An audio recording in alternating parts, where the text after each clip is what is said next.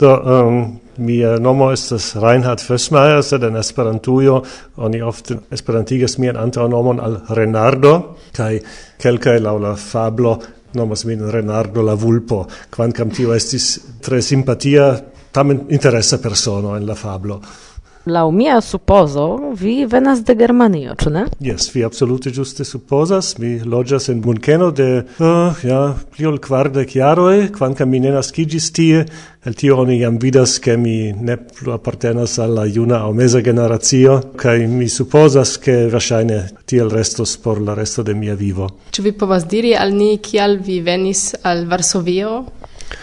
No, al Varsovio mi venis evidente pro sus 34, la 34 San Marinezza Universitata Sesio, Kaj mi devas konfesi, ke ne nepre por partopreni, ĉar mi jam partoprenis amason da susoj kaj ne devas havi ĉiun, sed pro tio, ke pri la organizado de sus 34 okazis kelkaj malfacilaĵoj, malsanoj, kaj do mi supozis, ke estas iel mia devo veni kaj helpi stopi pitiu in kiuj ec estis. Kio estas tio sus entute? Gi estas la mm, vi dir plei alt nivela instrua aranjo de AISO San Marino de la Akademio Internazia de la Sciencoj San Marino kai ordinare gi devas enhavi la plenan academian programon tio estas scienzae cursoi, por kiu oni povas kolekti studpoentojn sciencaj prelegoj en kiuj sciencistoj parolas pri sia aktuala laboro, ankaŭ eh, sciencaj ekzamenoj, ne nur pri la kursoj, sed ec pri tuta studado, do examenoi per kiuj oni acquiras academian gradon.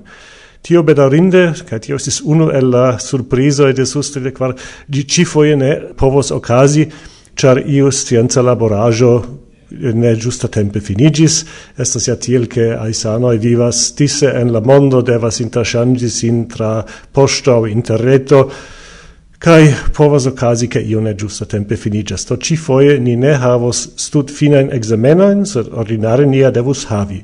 Kai devus esti ankaŭ kelkaj administraciaj aferoj, exempli kunsidoj de la academia Senato, de la Generala assembleo Exemple eh, la senato non multe discutas en la interreto, sed en la interreto via teorie neniam povas esti certa ĉu vi parolas kun la giusta persono, kvankam practici vi estas certa.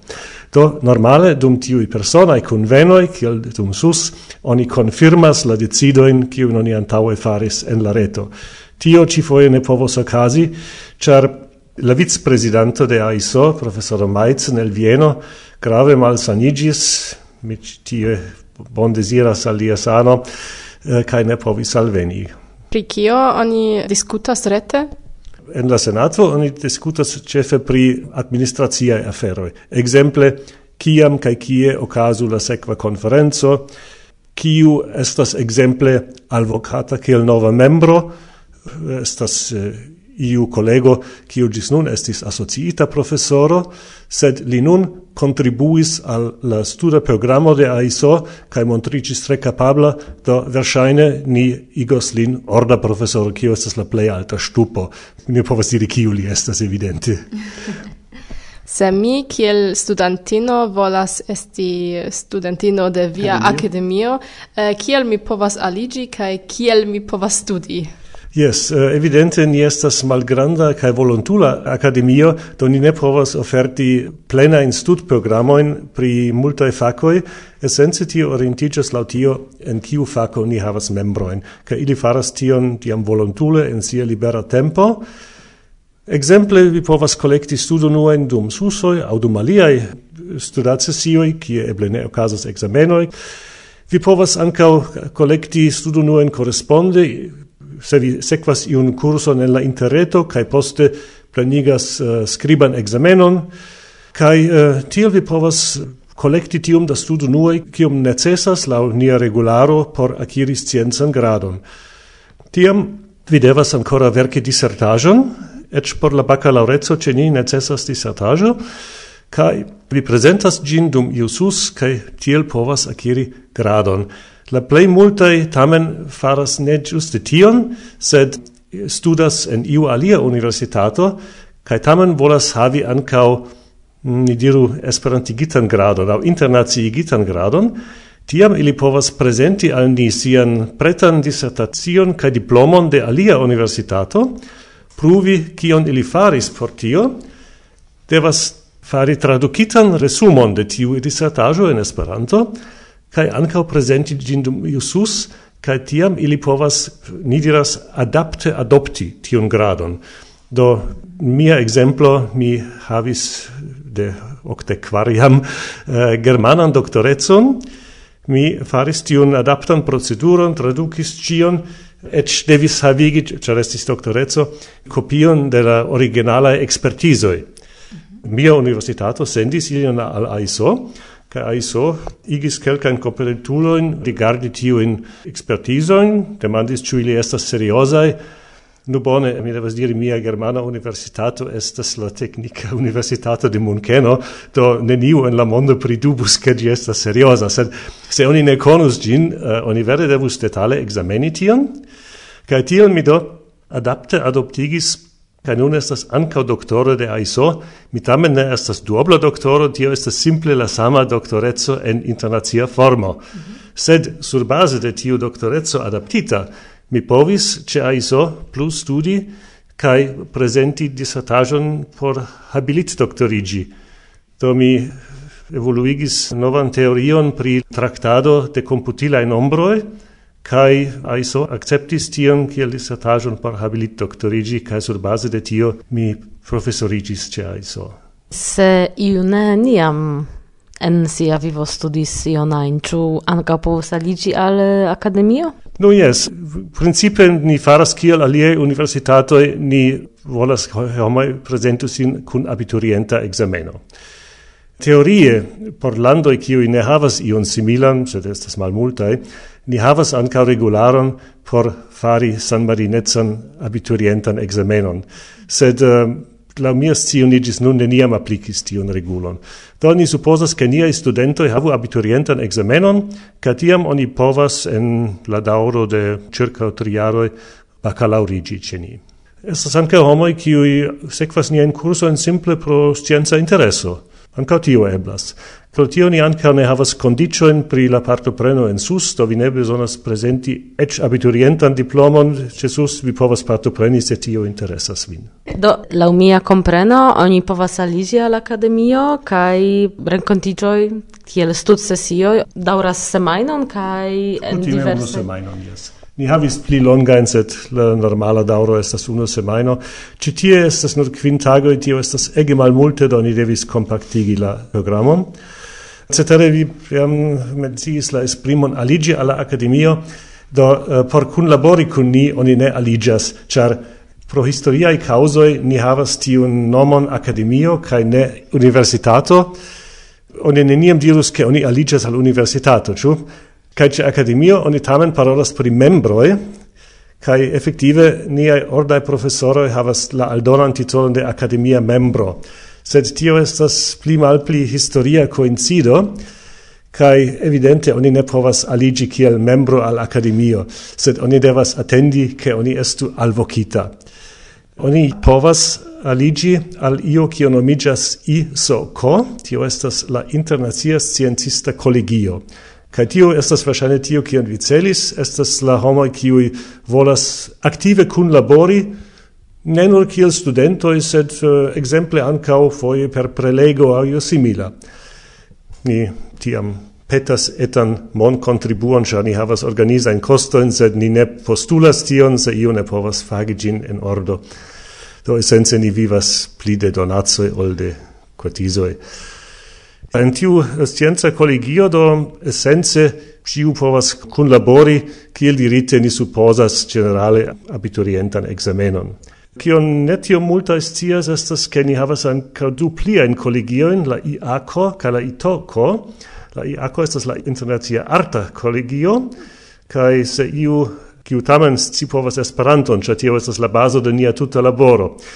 Estas konata artisto, ni povas alvoki lin en la artan kolegion kai ec kiel artistan professoron. Arto la professora titolo ja estas iomete alia ol en scienzo, gi ne estas tiom pri instruado, sed estas pli honorado. Exemple, se vi en Austrio estas actoro ce la Cortcastella Teatro, vi balda farigas anca professoro, ce ne?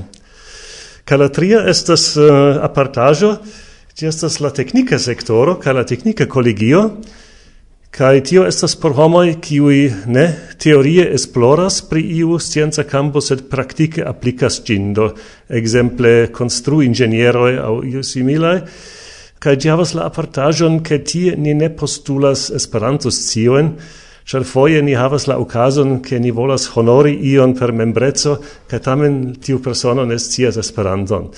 Sed akiris iujn meritojn pri la akademio.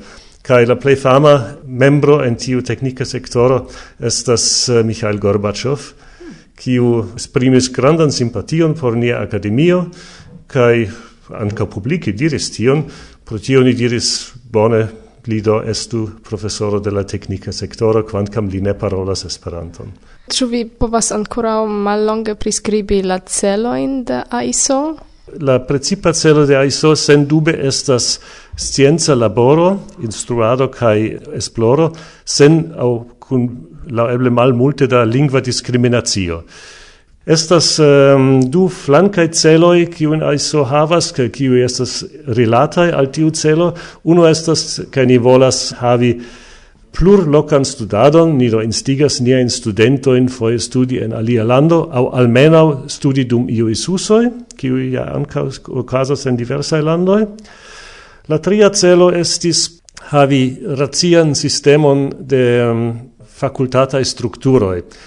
Nia fondinto presidinto professor Frank Ciam diras che estas universitatoi kie la psicologoi ca la medicinistoi iam havis eh, uh, comunan excurson do ili fondis comunan fakultaton quancam la du sciencoj ne relatas uno alla alia.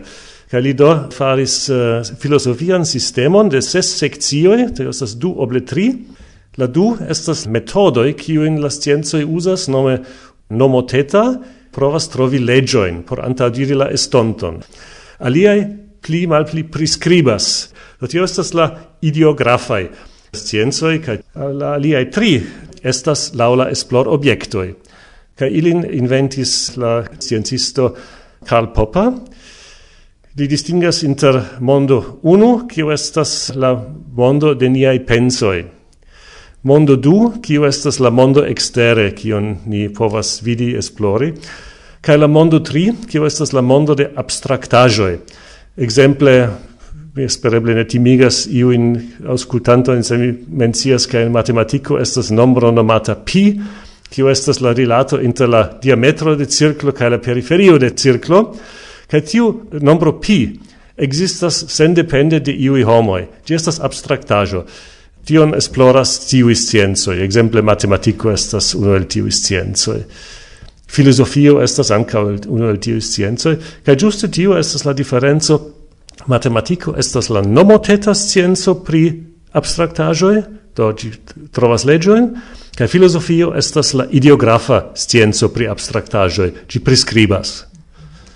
Do tio estas la tria celo, cion provis atingi AISO, ce ni ni realigas cin, sed uh, ĝi havis malmulte da influo alla extera ekstera mondo, kvankam kutime kiam mi extere prelegas pri AISO, tiu multe impressas la homojn. Ili tamen ne transprenas cin. Ĉu vi volus inviti auscultantoi por eh, venonta sus rencontigio? Yes, volonte, con granda plesuro. La venonta sus estos evidente sus 35, sus no plus 1, cae ocasos post iom malpli ol uno jaro, nome iam en somero, estas la dato de la Itala Esperanto-Kongreso, char la Itala Esperanto-Kongreso okazos juste en San Marino. Kaj do um la kongresa semajno, ni samtempe havos uh, susan semajnon, tio signifas ke la Internacia Kongresa Universitato estos samtempe plen rajta sus, kai amplexos ne nur prelegoin kai kursoin kiel kutime, sed ankaŭ ekzamenoin. Do laste uh, ni ŝatus inviti vin saluti amicoin aŭ Auscultaron, au auscultantoin. Malamicoin anca, se vi desiras. Yes, ja, giusto la malamicoin necessas saluti, char alie ili povus vengi sin, ĉu ne? Do mi salutas ĉi tie ĉiujn malamicoin, sed anca ĉiujn aliajn, porke ili ne malamiciĝu.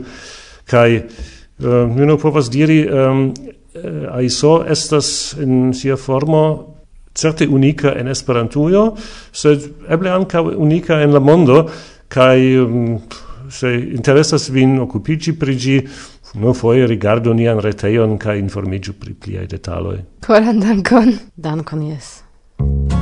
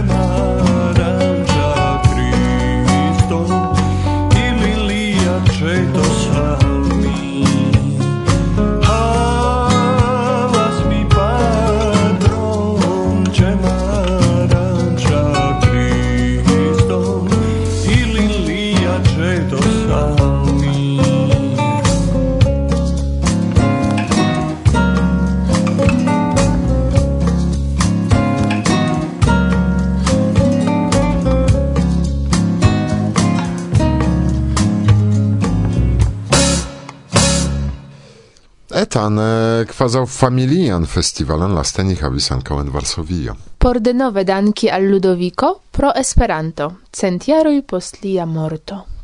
De Denove, ĉar eh, printempe du semainoi post exacta dat reveno, estis la unua okazo. Jes, la semajnfina conferenzo, dum kiu vizitis ni la monumento tombon, kai anstatau paroli eh, laut legis ni kune ciuin ludovikajn poemoin. Kai kantis. Yes, tiam kune kun Georgo Hanslik, kion cetere vi povas vidi en presentita du el sendoj antaŭe filmeto. Nun, okaze de la festivalo ankaŭ ni kantis ĉe la monumento tombo al Ludovico, kaj denove estis kortuŝe, ĉar sian la plej faman kanton sola prezentis al la majstro Kimo. Kimo persone prezentis kai ci compreneble kun cantis.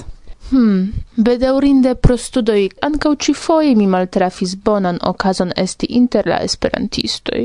Bedauru, bedauru, char estis vere mojose. Yes, vere, kai venis multaj amicoi, kai kio min vere kaptis ancau niai carae gastoi el Hispanio. Kai el Svedio, cara, kai Danio. Mi ancora ne finis. Do mi alĵetos nur reprezentita estis krome Slovakio, Japanio kai Hindio.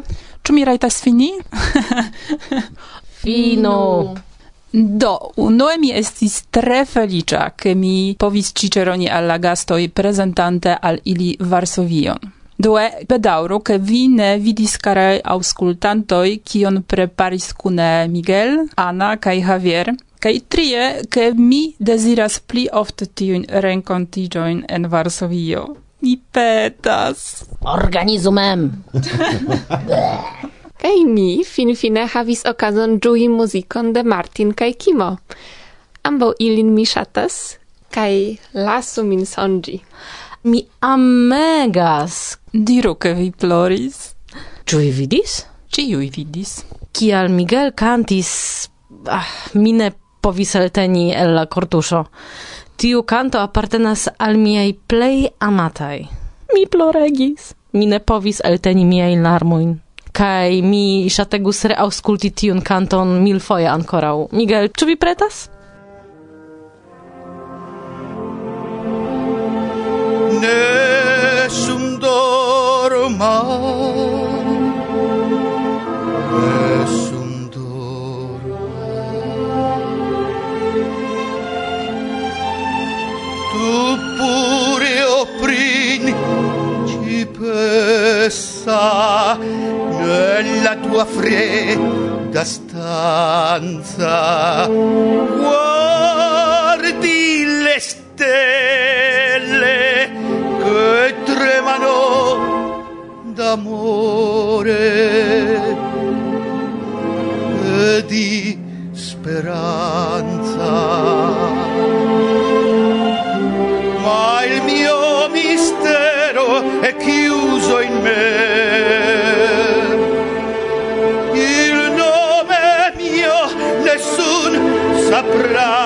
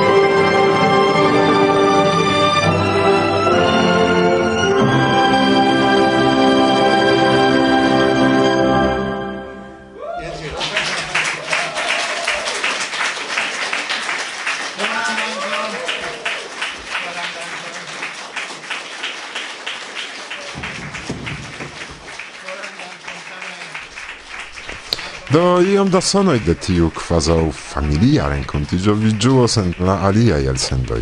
Kaj mi devas aldoni, ke ankaŭ se temas pri tiu festivalo, lacaj kaj kaŝitaj, kvazaŭ en angulo de la programa salono sidis Eva kaj Alina. Sen longa laboro de tiuj du brilaj personoj, nek okazos la printempa, nek la autuna kolektiĝo omaĝe al Ludovico Zamenhof. Jes, prave kai estis familie kiel li desiris. Jen ni renkondigis Dankal Ludovico, u tutan vivon laboris por ke ni povu renkontigi internacie kai kompreni unu la alian – Dankon al vi, cara Ludovico. Eh, kai permesu, eh, mi uzas la okazon por kore saluti ciuin, kun kiuj mi pasis pli da tempo ol nur dum la festivalo. Aha! Aha! Kaj mi saluta Zoron. Aha! Aha! To uh, generale mm, koran dankon de ni, tiu ki partoprenis al tiu ki prezentis la programon al ni kaj al tiu ki venis, ĉu ne? Dankon.